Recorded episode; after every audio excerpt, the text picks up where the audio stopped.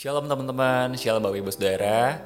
Hari ini kita kembali lagi di dalam My Room, di mana kita bisa bersatu dulu bersama, kita berjumpa pribadi dengan Tuhan.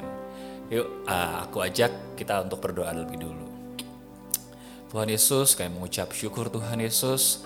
Tuhan, kami sungguh mengucap syukur Tuhan buat uh, hari-hari ini Tuhan Yesus. Uh, engkau, kami mengucap syukur akan kebaikan-Mu Tuhan atas hidup kami Tuhan Yesus. Tuhan, sebentar kami Tuhan akan bertemu denganmu Tuhan Yesus. Tuhan tolong siapkan hati kami Tuhan Yesus, biar kami Tuhan bisa sungguh-sungguh lagi Tuhan dalam menyembahmu Tuhan Yesus. Terima kasih Bapak. Haleluya. Yuk mari sama-sama kita sembah Tuhan. Terima kasih.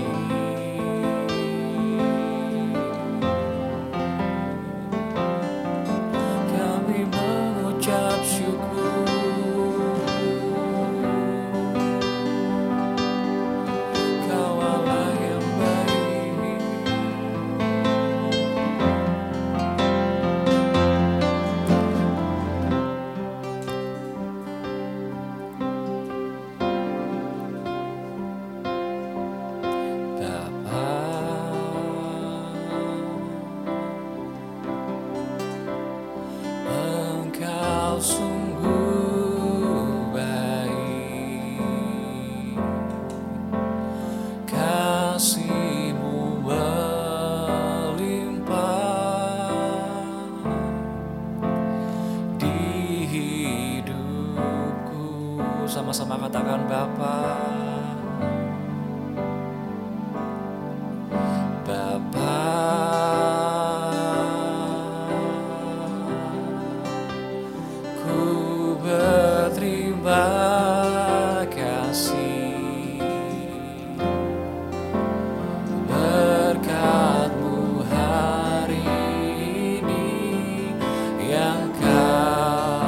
kau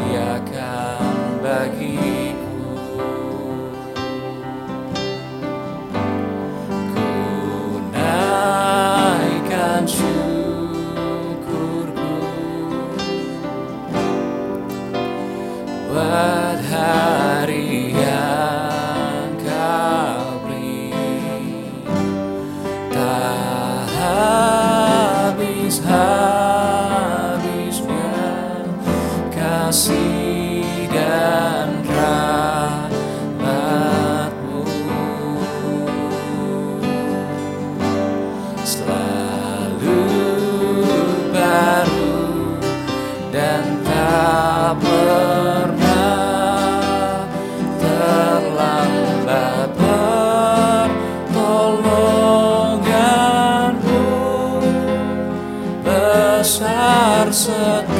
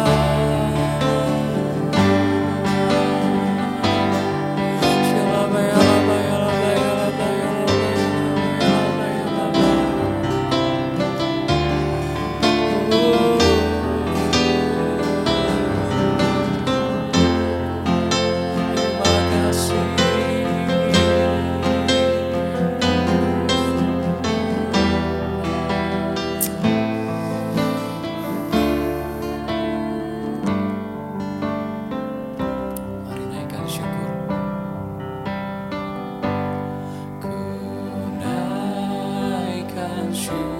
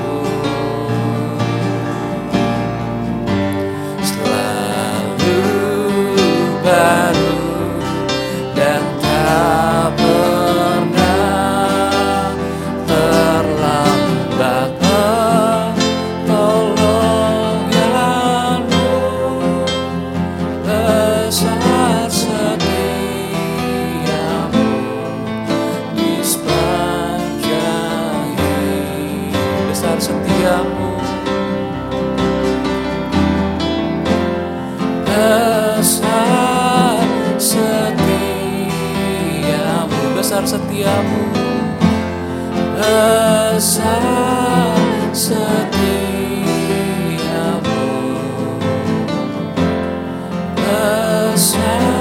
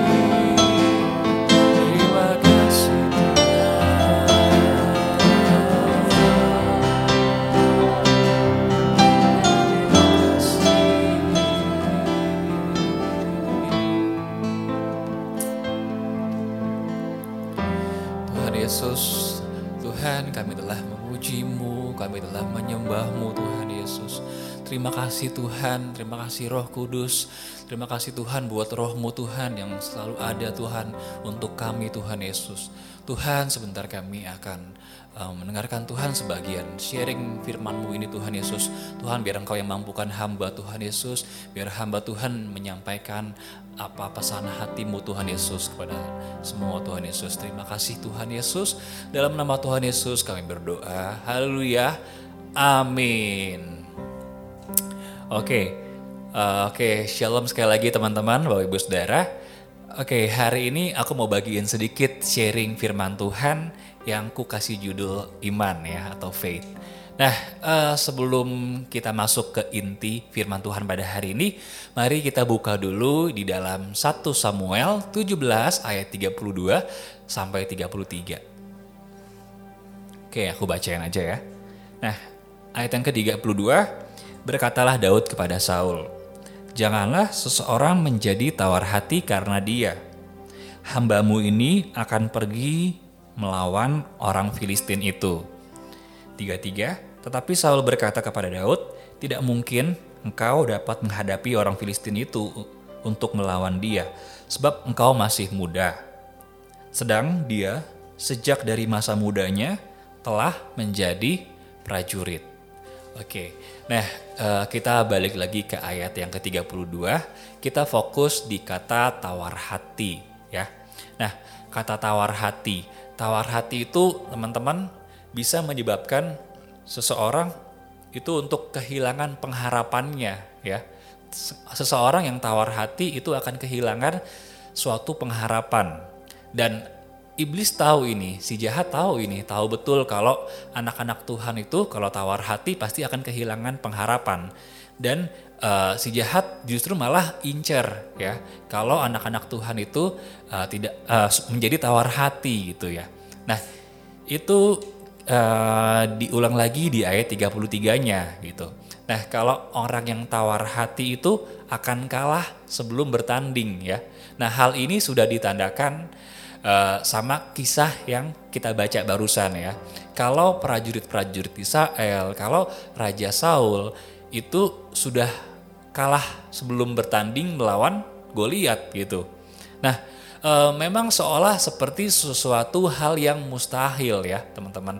Sesuatu hal yang tidak mungkin terjadi uh, di mana kita diajarkan, kita sebagai manusia diajarkan untuk berpikir melalui logika manusia ya, untuk berpikir uh, melalui logika manusia yaitu melihat segala sesuatunya itu berdasarkan dari latar belakang seseorang, dari rekam jejak seseorang, di mana yang kita tahu kalau Daud itu latar belakangnya adalah uh, gembala kambing domba gitu. Dan dia itu masih sangat muda umurnya. Sementara kalau kita lihat Goliat itu latar belakangnya dari sejak mudanya sudah menjadi prajurit ya. Bahkan pada saat itu uh, dia sudah menjadi prajurit yang paling gagah, yang paling perkasa di zaman itu tentunya. Dan di antara bangsa Filistin ya. Nah, uh, Daud yang masih sangat muda, uh, yang perawakannya masih sangat uh, muda itu diragukan. Diragukan kemampuannya teman-teman. Nah, uh, diragukan kemampuannya oleh pemimpinnya sendiri, oleh rajanya sendiri ya. Bahkan diragukan kemampuannya oleh kakak kandungnya sendiri gitu. Nah, tapi walaupun dia diragukan, dia disepelekan, Daud itu uh, orangnya gak gampang putus asa teman-teman ya. Uh, Meskipun banyak yang menentang, dia tuh nggak gampang putus asa. Dan begitu yakinnya dia dengan penyertaan Tuhan, ya uh, dia itu nggak uh, seolah tidak memperdulikan uh, perkataan Saul ya. Dan perkataan Saul itu nggak menghalanginya untuk dia pergi berperang maju melawan Goliat ya. Dan ini bisa dibilang uh, salah satu contoh iman yang sebenarnya gitu iman yang benar-benar kokoh, iman yang benar gitu. Nggak nggak menjadi masalah kalau dia itu berjalan sendirian, uh, kalau dia itu nggak ada yang mendukung. Selama dia berjalan di jalannya Tuhan, maka tetap dia lakuin teman-teman. Dan uh, yang teman-teman perlu tahu, yang uh, sekalian perlu tahu, kalau iman itu berbicara mengenai sebuah dasar. Iman itu berbicara mengenai sebuah dasar atau pondasi, di mana kita membangun seluruh kehidupan kita, terutama kita sebagai anak Tuhan. Seperti yang dikatakan dalam Ibrani 11 ayat 1. Iman adalah dasar dari segala sesuatu yang kita harapkan dan bukti dari segala sesuatu yang belum kita lihat. Nah, e, mempunyai iman berarti tetap berdiri teguh, tetap berpegang dengan apa yang kita harapkan dan tidak mudah tergoyahkan, teman-teman. Ya, sekali lagi aku bilang kalau mempunyai iman berarti kita tetap berdiri teguh, tetap berpegang dengan apa yang kita harapkan dan nggak mudah untuk tergoyahkan, gitu intermezzo sedikit, uh, aku pernah lihat nih sebuah video itu entah dari TikTok atau dari uh, Instagram Story gitu. Nah, pokoknya video ini menampilkan seseorang dengan peliharaannya, dengan anjing peliharaannya gitu. Nah, pada satu hari si orang ini atau majikannya ini membeli uh, satu mainan lah, satu buah mainan untuk anjingnya gitu. Dan dikasih setelah dibeli dikasih ke anjingnya dan anjingnya tuh kayak gigit mainannya gitu kan gigit mainannya dan nggak mau melepasnya gitu dan seolah-olah uh, anjing itu memberikan pesan kalau ini tuh milikku gitu uh, entah apa yang mau kamu lakuin terserah tapi aku nggak mau ngelepasin apa yang jadi milikku gitu dan sebenarnya secara nggak langsung ini memberikan pesan kepada kita semua gitu. Kalau iman yang sebenarnya itu itu nggak mudah untuk dilepas teman-teman ya. Meskipun misalkan ada tawaran lain yang lebih menggiurkan gitu. Misalkan ada tawaran atau kesempatan lain yang lebih menguntungkan kita gitu. Kita nggak mudah melepasnya kalau kita mempunyai iman yang kuat ya. Kalau kita mempunyai iman yang kokoh gitu. Meskipun mungkin saat ini, mungkin sekarang uh, itu belum kita lihat, belum kita rasakan gitu. Tapi itu membuat kita yakin teman-teman, membuat kita yakin bahwa pengharapan yang kita punya akan kita terima pada saat nanti, pada saat waktunya nanti gitu. Dan uh, besarnya iman yang kita miliki itu juga bergantung teman-teman. Bergantung dengan apa? Bergantung dengan seberapa dalam kita mengenal pribadi Tuhan. Nah, uh, tergantung iman yang kita punya itu, besarnya iman yang kita punya itu bergantung pada seberapa dekat, seberapa dekat kita memiliki hubungan dengan Tuhan gitu. Dan kita buka lagi di kitab Markus pasal yang ke-10 ayat 17 sampai 18. Sebentar ya, saya buka dulu.